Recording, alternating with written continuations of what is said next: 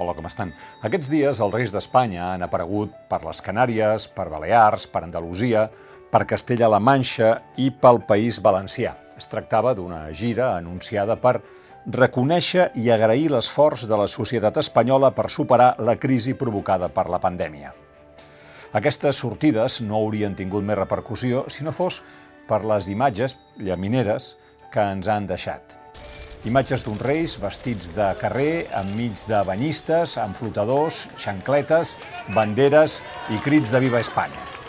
Uns reis a la platja, objecte de l'aplaudiment popular, és eh, una escena que es fa estranya en un país on la pandèmia ha fet 28.388 morts.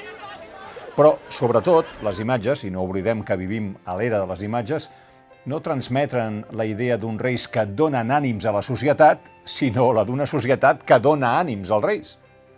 En resum, que aquestes imatges fascinants, fascinants perquè si ara ens les miréssim no pararíem de descobrir-hi detalls, són el que semblen, una operació de la Casa Reial Espanyola destinada a recuperar desesperadament un bri d'adhesió popular en un moment en què la monarquia espanyola passa per les cotes més baixes d'acceptació. Els reis han decidit sortir al contraatac i no és estrany després de sacrificar un cunyat i una germana per allò de todos somos iguales ante la ley, ara estan cremant l'últim tallafocs disponible entre ells i la demanda de responsabilitats penals per corrupció, ni més ni menys que el rei Joan Carles, el pare. I això va així, a jutjar per les informacions que van apareixent, ara ja sí, a la premsa espanyola, amb regularitat, que estan anunciant una altra operació d'estat per salvar el fill haurem de deixar caure el pare.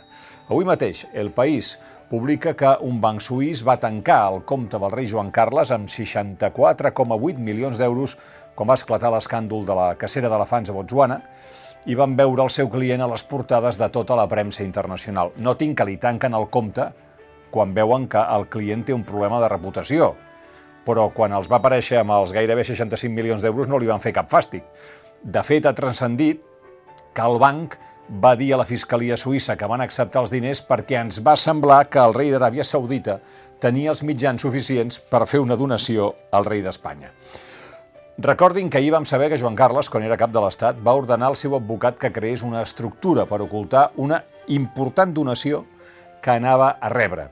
I pel que sembla, l'estructura va ser posar els 64,8 milions en un compte de Corina Larsen, que havia reconegut eh, haver rebut aquesta quantitat per gratitud i amor.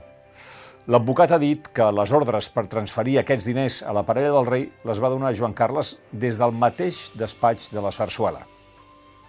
Quan ara se sap, amb tant nivell de detall, el que durant tant temps s'hauria ocultat, perquè Joan Carles, a més a més d'irresponsable penalment, era intocable políticament, és que Joan Carles ha passat al cantó fosc de la societat espanyola, eh, en fi, amb limitacions, perquè en matèria d'adhesió a la corona, el cor dels pobles té raons que el servei de la societat no comprèn.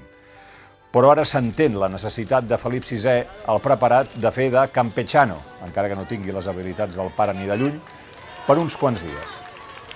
I tota aquesta història no tindria més importància si no fos que Espanya, el rei, és com el bar, un àrbitre que no es veu però que influeix en el joc polític. El nostre reconeixement pels que treballen a primera línia, un record pels que pateixen, pels presos polítics, pels exiliats i que tinguem un bon dia. Thank you.